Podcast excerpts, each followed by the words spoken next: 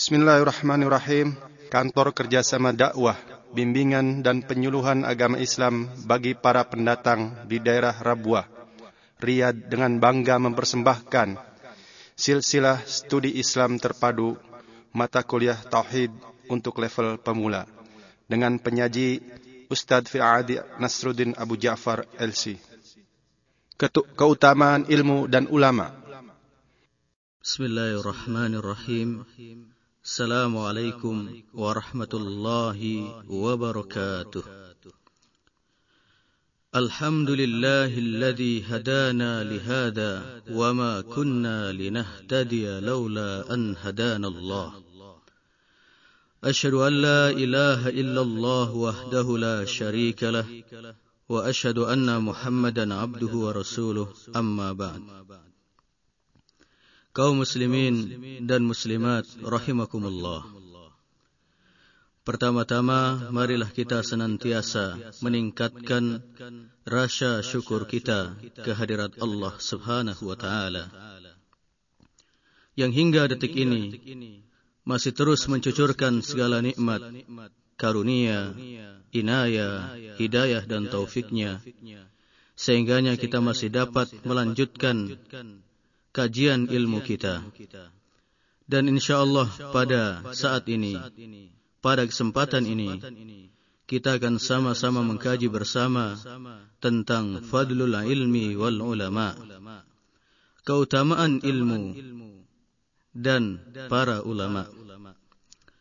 Salawat dan salam semoga senantiasa tercurahkan kepada Rasul junjungan kita, Nabi Agung Muhammad sallallahu alaihi wasallam sebagai kedua hasanah kita di dalam meniti hidup dan kehidupan ini.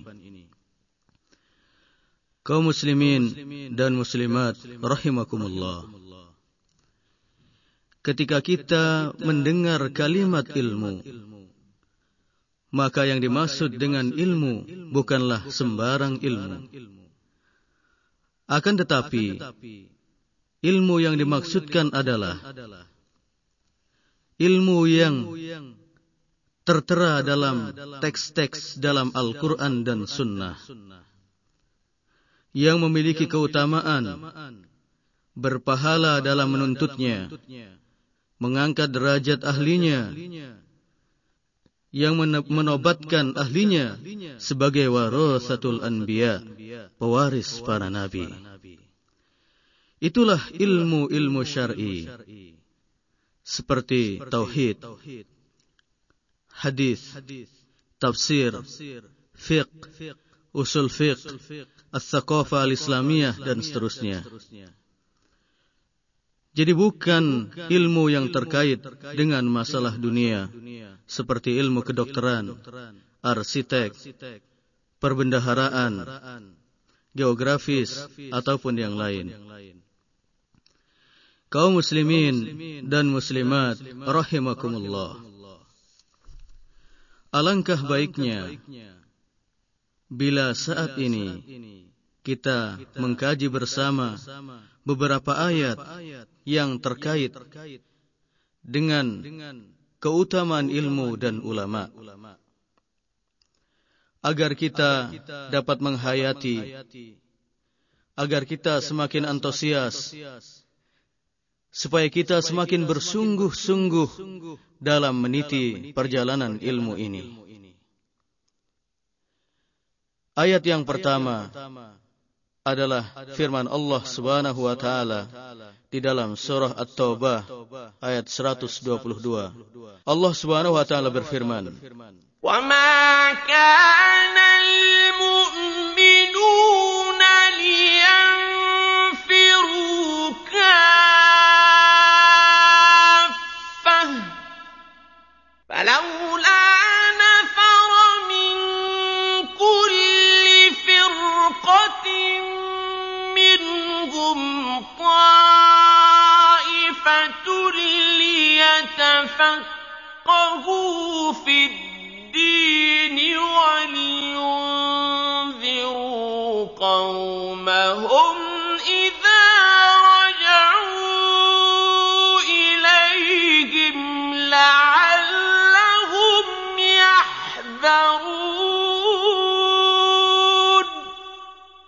Tidak sepatutnya bagi orang-orang yang mukmin itu pergi semuanya ke medan perang.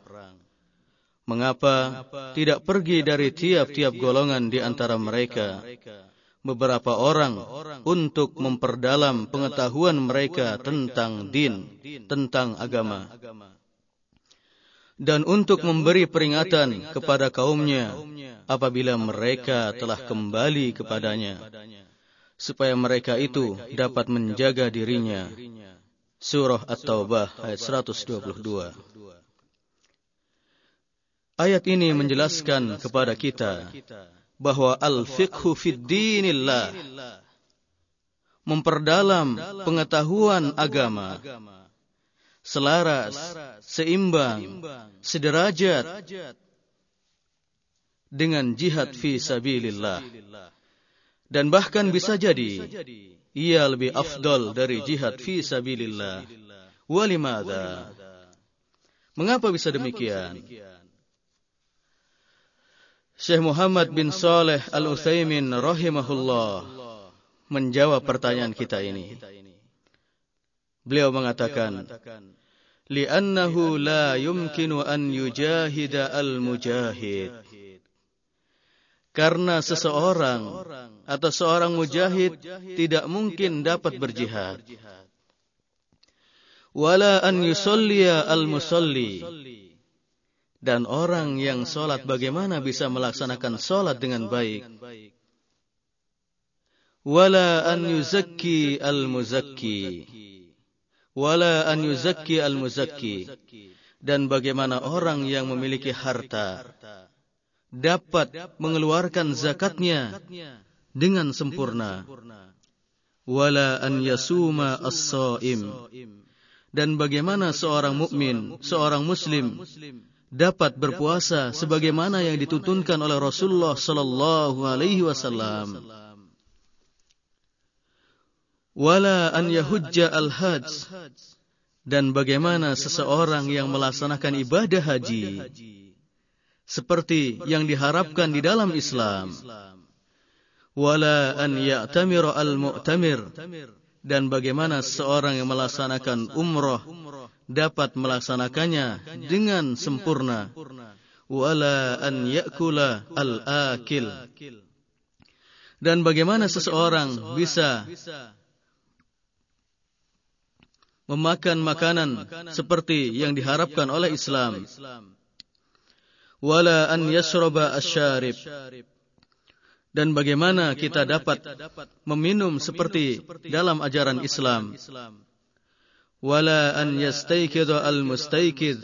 Dan bagaimana Islam telah mengajarkan seseorang yang terbangun dari tidurnya illa bil ilm kecuali dengan ilmu. Idan fal ilmu huwa aslu kulli syai' Berarti ilmu adalah asas, adalah dasar dari setiap sesuatu. ولذلك قال النبي صلى الله عليه وسلم من يريد الله به خيرا يفقهه في الدين Barang siapa yang Allah kehendaki suatu kebaikan, maka Allah akan menjadikannya yufaqqihu fid din, faham terhadap agamanya. Hadis riwayat Bukhari dan Muslim. Kaum muslimin dan muslimat rahimakumullah. Jika demikian adanya, maka tidak ada bedanya antara orang yang melesatkan busur panahnya ke arah musuh dengan orang yang menuntut ilmu-ilmu syariat. Leish, karena kedua-duanya dalam rangkaian memperjuangkan agama Allah Subhanahu wa taala di muka bumi ini. Yang pertama tadi orang yang berjihad memperjuangkan agama Allah dengan sarana jihad fi sabilillah. Kemudian yang kedua dengan menjelaskan syariat Allah kepada umat manusia. Jadi keduanya sama-sama memperjuangkan agama Allah Subhanahu wa taala. Bahkan sebagian ulama memandang bahwa ilmu lebih utama daripada jihad fi sabilillah. Walakin akan tetapi sebagaimana Syekh Muhammad Ibn Salih Al-Utsaimin rahimahullah mengatakan fihi tafsil. Dalam masalah mana yang lebih utama, apakah ilmu ataukah jihad fi sabilillah, maka perlu penjabaran yang lebih panjang, lebih lebih luas lagi. Beliau mengungkapkan ada sebagian manusia di mana jihad fi sabilillah lebih utama dan lebih afdol bagi dirinya. Dan sebagian yang lain sebagian yang lain jihad fi sabilillah lebih afdol, lebih utama daripada menuntut ilmu. Mengapa bisa demikian wahai Syekh Muhammad bin Shalih Utsaimin rahimahullah? Maka beliau menjawab, jika seseorang memiliki tubuh yang kuat, kekar, kokoh, dan keberanian yang mengagumkan, akan tetapi ia lemah dalam menuntut ilmu. Hafalannya kurang, kepahamannya sangat terbatas, sulit baginya untuk bertalaki dengan seorang syekh atau seorang yang alim. Maka pada saat yang demikian itu, pada saat yang demikian itu, jihad fi sabilillah lebih utama bagi dirinya. Namun sebaliknya, jika seseorang memiliki tubuh yang sangat prima, keberanian hati yang membanggakan, tapi ia memiliki hafalan, ya. dia memiliki hafalan uh, yang kurang, kemudian pemahaman atau dia memiliki hafalan yang cukup lumayan. Kita ulang kembali. Namun jika seseorang tidak memiliki kekuatan tubuh yang prima, kemudian keberanian hatinya juga tidak membanggakan, mengenaskan, tapi pada sisi lain dia memiliki hafalan yang sangat kuat, kefahaman yang mengagumkan, serta kesungguhan dalam menuntut ilmu, maka pada saat itu ilmu lebih baik baginya. Namun sekarang jadi yang jadi masalah adalah bagaimana jika seseorang memiliki tubuh yang kuat, memiliki keberanian yang luar biasa. Namun pada saat yang lain, pada sisi yang lain, dia juga memiliki hafalan yang kuat, kemudian eh, tekad yang cukup bulat untuk menuntut ilmu. Maka para ulama menjelaskan pada saat yang demikian itu ilmu lebih baik daripada jihad fisabilillah bagi dirinya. Kaum muslimin dan muslimat rahimakumullah. Mengapa dalam kondisi seperti itu ilmu lebih baik bagi dirinya? Sebab ilmu adalah aslu kulli syai' merupakan asal, merupakan akar dari segala sesuatu. Juga karena ilmu bermanfaat bagi semua orang, bermanfaat bagi orang yang hidup pada masanya, juga bermanfaat bagi orang yang lahir sesudahnya, generasi sesudahnya, juga bermanfaat bagi pemiliknya, bagi baik di masa hidupnya, ataupun ketika dia sudah menghadap Allah Subhanahu wa taala. Sebagaimana sabda Rasulullah sallallahu alaihi wasallam dalam hadis yang diriwayatkan oleh Imam Muslim, Abu Dawud, Tirmizi dan Nasa'i. Idza mata al-insanu in qata'a 'amaluhu illa min thalath. Sadaqatin jariyatin aw ilmin yuntafa'u bihi aw waladin salihin yad'u lahu. Ketika manusia telah meninggal dunia, maka terputuslah segala amalnya kecuali tiga perkara. Sodakotin jariyah, yaitu sodakoh jariyah. Aw ilmin yuntafau bihi, atau ilmu yang bermanfaat. Baik bagi dirinya, bagi orang lain, atau seluruh umat. Baik di masa hidupnya atau sudah meninggalnya. Aw waladin solihin yadu'ulah atau seseorang yang memiliki anak yang soleh, yang senantiasa mendoakan orang tuanya. Dan bagaimana mungkin seseorang bisa mendidik anaknya menjadi generasi yang baik, generasi yang soleh, yang nantinya akan menjadi penyambung hidup, menjadi tabungan di hari tua, kalau dia tidak memiliki ilmu. Kaum muslimin dan muslimat, rahimakumullah. Kemudian yang kedua, di antara ayat Al-Quran yang berbicara tentang keutamaan ilmu dan ulama adalah firman Allah Subhanahu wa taala di dalam surah Thaha ayat 114. Allah berfirman,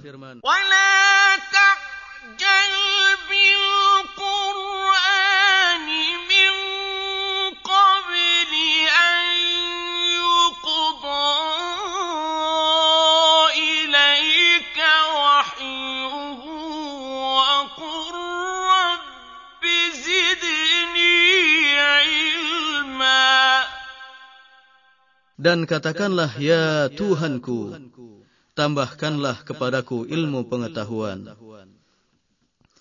Kaum muslimin dan muslimat, rahimakumullah. Ayat ini cukuplah menjadi dasar, menjadi dalil bagi kita tentang keutamaan ilmu dan orang-orang yang berilmu. Karena Allah Subhanahu wa taala memerintahkan kepada nabinya, eh, nabinya Muhammad sallallahu alaihi wasallam untuk senantiasa memohon kepada Allah Subhanahu wa taala tambahan ilmu pengetahuan. Allah SWT tidak memerintahkan kepada nabinya untuk memohon padanya tambahan harta benda ataupun yang lain. Para nabi dan rasul alaihi wassalam membutuhkan ilmu dan juga tambahan ilmu serta memohon kepada Allah Subhanahu wa taala diberikan tambahan ilmu. Maka selain para nabi dan rasul, selain para nabi dan rasul, tentunya min babi aula lebih utama daripada para nabi dan rasul. Maka seyogyanya kita selaku umatnya, selaku umat Rasulullah sallallahu alaihi wasallam senantiasa memohon dalam doa-doa kita kepada Allah Subhanahu wa taala untuk memberikan tambahan kepada kita ilmu. Kaum muslimin dan muslimat rahimakumullah. Akan tetapi jika kita memohon kepada Allah Subhanahu wa taala tambahan suatu ilmu pengetahuan, hendaknya kita mengiringi permohonan kita itu dengan usaha yang maksimal. Usaha dalam mencari sebab tersampaikannya kepada ilmu yang kita inginkan. Adapun orang yang selalu berdoa kepada Allah Subhanahu wa taala, "Rabbi zidni ilma." Ya Tuhanku, berikanlah kepadaku tambahan suatu ilmu. Akan tapi tidak berusaha mencari sebab tergapainya suatu ilmu maka sikapnya, perilakunya bukanlah gambaran sosok yang bijak dan benar.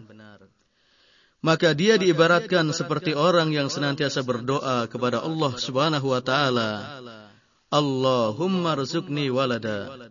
Ya Allah, ya Tuhanku, karuniakanlah kepadaku seorang anak laki-laki.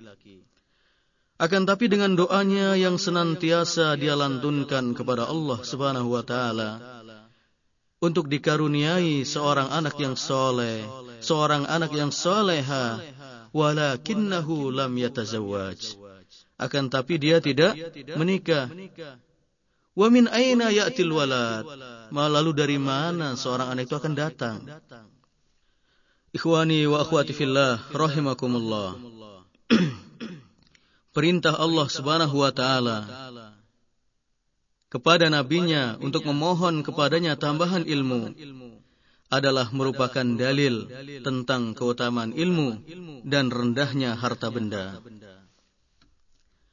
Ibnu Qayyim Al-Jauziyah rahimahullah dalam kitabnya Miftahu Daris Sa'adah itu kitab yang sangat-sangat memberikan manfaat kepada kita di dalam kitab ini Al-Imam Ibn Qayyim rahimahullah menjelaskan 40 alasan tentang keutamaan, ilmu daripada harta benda. Namun kita sebutkan beberapa saja. Di antaranya yang pertama. Al-ilmu mirasul anbiya wal maru wal malu mirasul muluki wal agniya. Ilmu adalah merupakan warisan para nabi dan harta atau sedangkan harta adalah warisan dari para penguasa, para raja dan orang-orang yang mampu. Maka kalau kita ingin menjadi penerus, generasi penerus para nabi dan rasul, maka yang jalan, jalan yang harus kita tempuh adalah jalan ilmu. Akan tapi kalau kita menginginkan kita menjadi pewaris para penguasa, pewaris para hartawan, maka jalan yang kita tempuh adalah jalan harta benda tijarah. Kemudian yang kedua, di antara kelebihan ilmu daripada harta benda adalah al-ilmu yahrisu sahibahu wa sahibul mali yahrisu malahu. Ilmu akan menjaga ahlinya, pemiliknya. Namun, pemilik harta menjaga hartanya. Makanya orang yang berilmu ketika tidur juga tidur dengan tenang. Tidak seperti orang yang memiliki harta yang banyak. Terkadang mereka tidak mampu beristirahat dengan baik.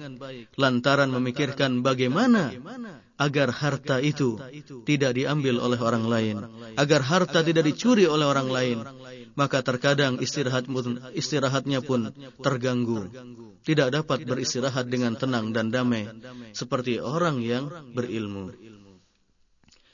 Yang ketiga, Al-malu tudhibu an-nafaqat wal ilmu yazku 'ala an-nafaqat.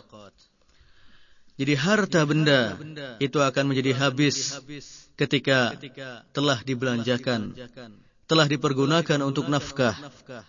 Ya. Harta benda itu akan habis. Akan tapi ilmu justru sebaliknya karena ilmulah harta-harta kita.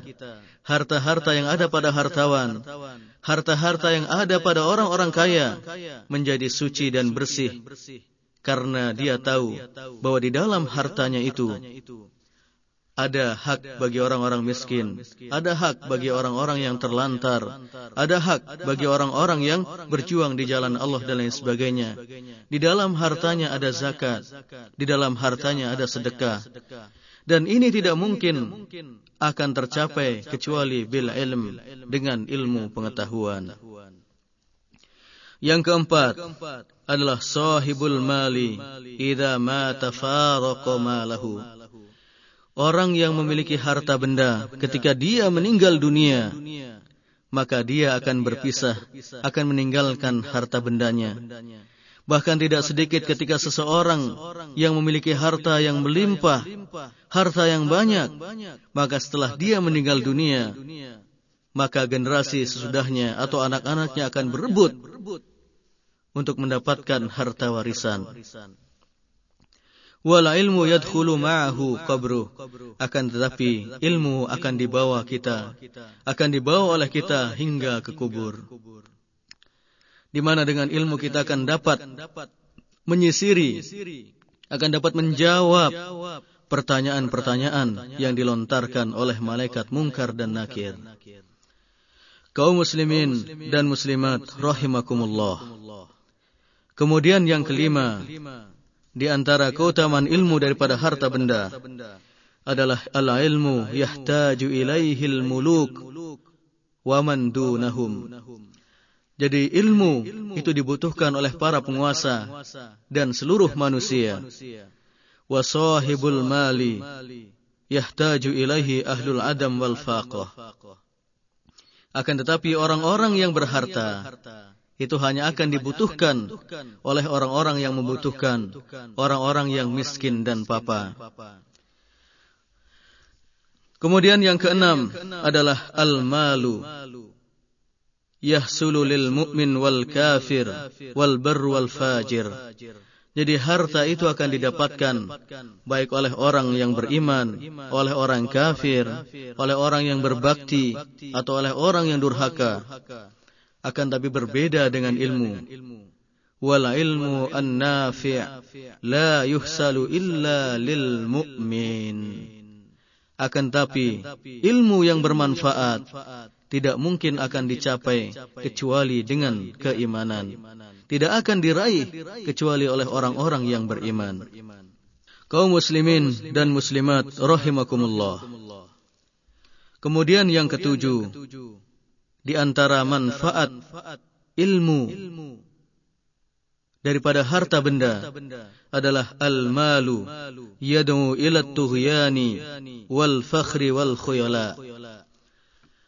Harta benda.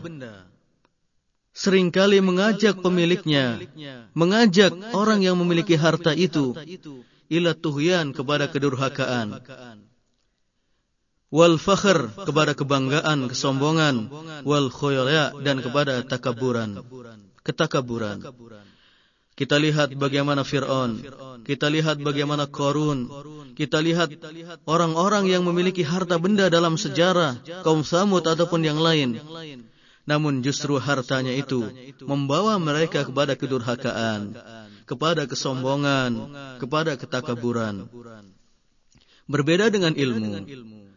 wal ilmu yad'u ila tawadu'i wal qiyami bihaqqil ubudiyyah akan tapi ilmu membawa kepada ahlinya. membawa pemiliknya. ila ish. Ila tawadu. kepada ketawaduan. kerendah hatian. wal qiyami bihaqqil ubudiyyah kemudian melaksanakan hak-hak ubudiyah kita kepada Allah Subhanahu wa taala. Maka sering kita saksikan orang yang berilmu semakin dalam ilmunya, semakin banyak ilmunya, semakin luas ilmunya, maka penampilannya semakin sejuk, semakin merendah hati di hadapan manusia. Jadi ibarat padi, ibarat padi. Jadi semakin berisi, semakin merunduk. Tidak seperti halang ibilalang. Seperti uh, alang-alang yang justru semakin tua, semakin jangar, semakin jangkar, semakin sombong di hadapan manusia. Kaum muslimin dan muslimat rahimakumullah. Kemudian yang kedelapan, hubbul ilm wa talabuhu aslu kulli ta'ah. Kita menuntut ilmu, cinta dengan ilmu akan membawa kita kepada ketaatan kepada Allah Subhanahu wa taala wa hubbul mali wa talabuh aslu kulli sayyi'ah. Akan tapi kecintaan kita kepada harta.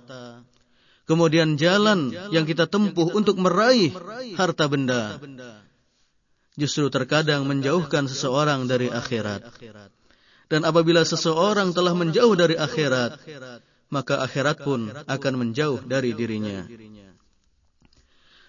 Dan yang kesembilan adalah ma Allahu ma Allah ahadun qattun illa bil ilm. Jadi tidak ada seseorang yang taat kepada Allah SWT satupun kecuali karena ilmunya.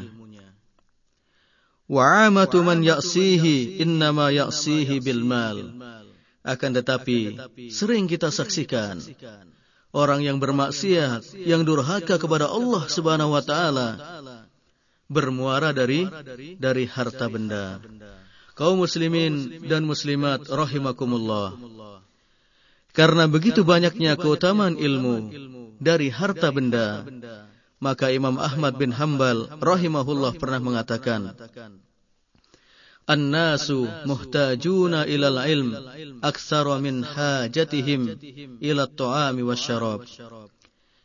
Jadi manusia membutuhkan kepada ilmu lebih banyak kebutuhannya terhadap makanan dan minuman. Lesh. Mengapa bisa demikian wahai Imam Ahmad?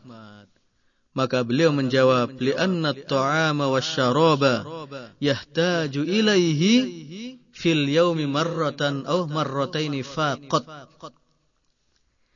di mana makanan dan minuman dibutuhkan oleh manusia dibutuhkan oleh kita dalam sehari paling sekali dua kali tiga kali Maka seperti kita bayangkan, kita mengenang di waktu kecil, pada saat kita berpuasa, kita mengumpulkan seluruh makanan.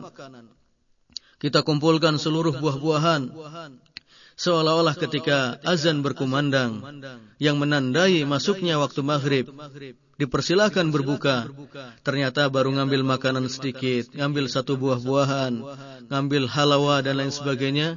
Ternyata kita sudah sudah kekenyangan. Jadi makanan dan minuman hanya kita butuhkan beberapa saat saja. Setelah itu kita sudah tidak butuh lagi. Ketika kita sudah merasakan kenyang, sudah ada rasa dahaga sudah tidak ada lagi, maka kita sudah tidak membutuhkan makanan dan minuman lagi. Tapi kata Imam Ahmad wal ilmu yahtaju ilaihi bi'adadil anfas. Akan tetapi ilmu dibutuhkan oleh manusia bi'adadil anfas selagi nafas masih berhembus selagi hayat masih dikandung badan selagi kehidupan masih ada maka kita membutuhkan ilmu karena tanpa ilmu manusia akan berada dalam kegelapan terus-menerus. Kaum muslimin dan muslimat rahimakumullah. Kemudian ayat yang ketiga yang menjelaskan yang menjadi dalil tentang fadilah ilmu dan ulama adalah firman Allah Subhanahu wa taala di dalam surah Az-Zumar ayat yang ke-9. Fi surati Az-Zumar ayat 9. Allah berfirman, "Qul hal yastawi alladhina ya'lamuna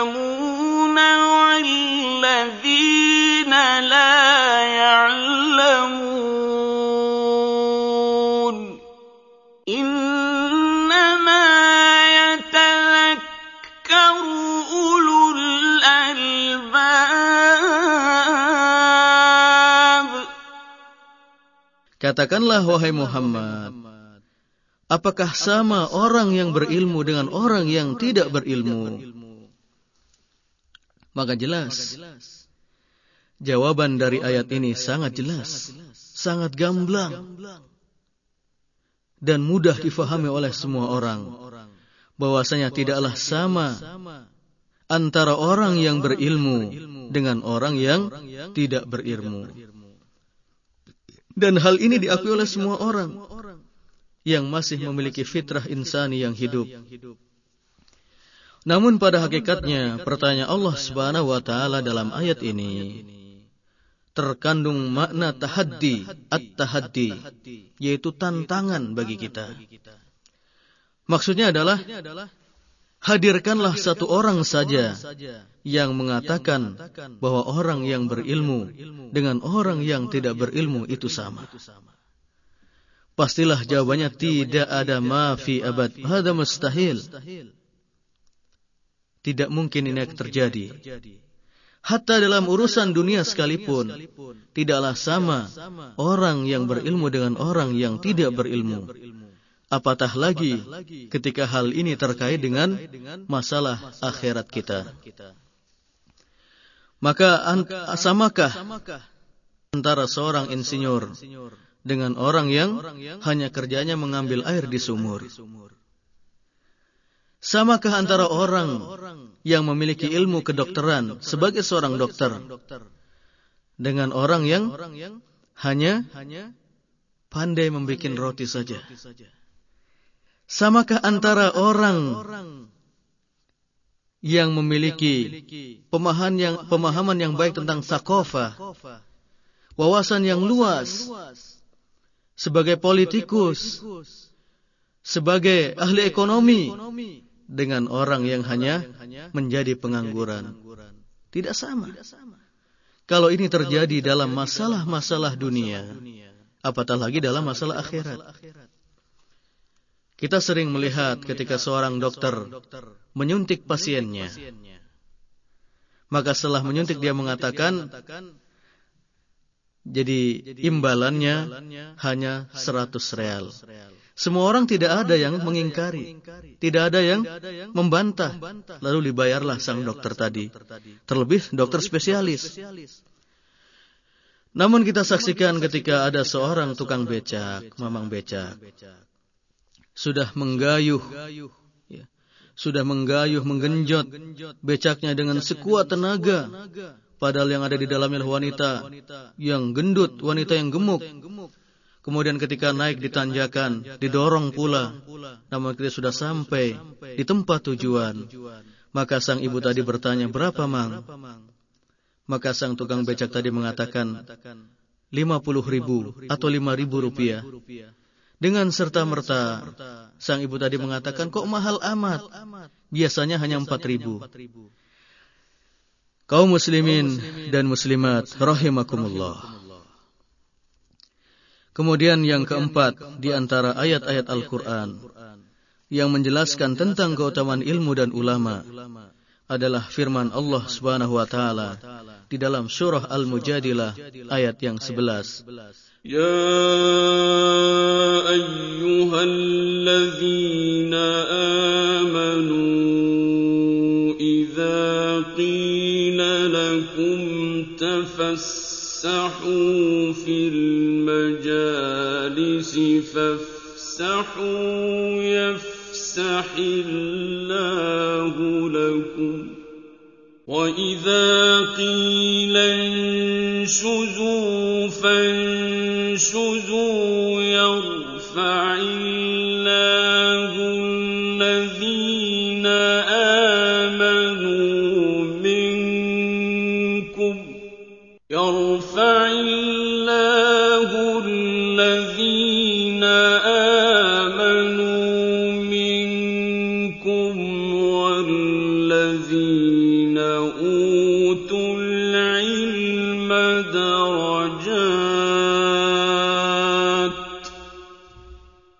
mengangkat derajat orang-orang yang beriman dan orang-orang yang berilmu di antara kalian darajat beberapa derajat.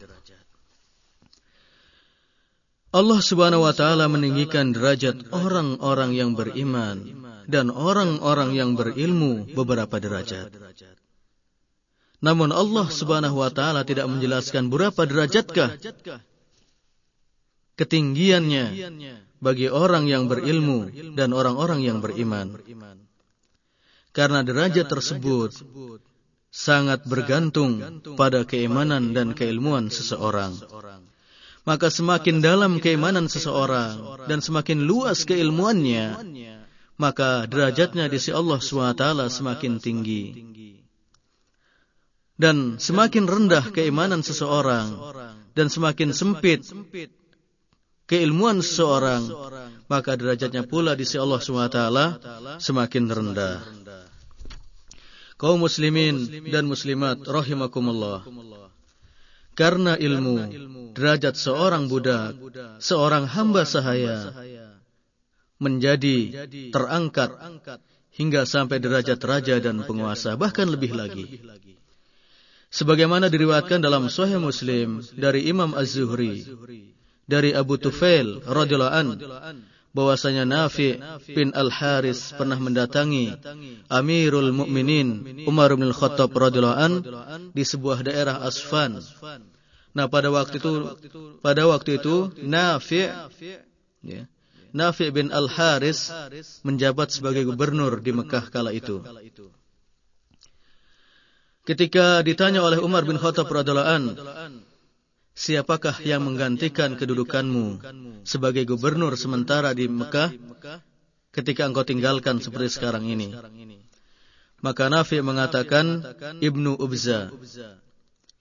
Umar bertanya, siapakah man Ibnu Ubza? Siapakah Ibnu Ubza itu? Maka Nafi mengatakan min mawalina, min mawalina. Jadi termasuk budak kami.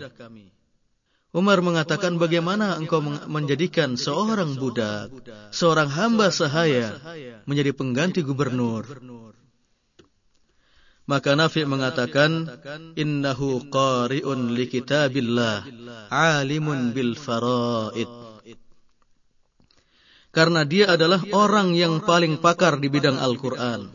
Dia sebagai qari'ul Qur'an yang paling bagus bacaannya, yang paling halus suaranya, yang paling faham dengan kitabullah.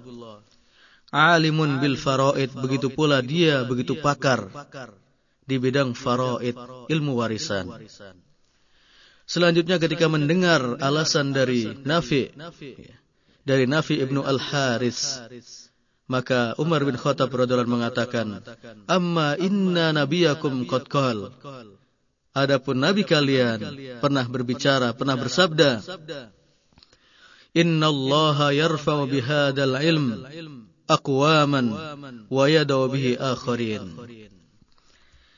Adapun nabi kalian telah mengangkat sesungguhnya Allah Subhanahu wa taala innallaha yarfa'u bihadzal ilmi aqwaman.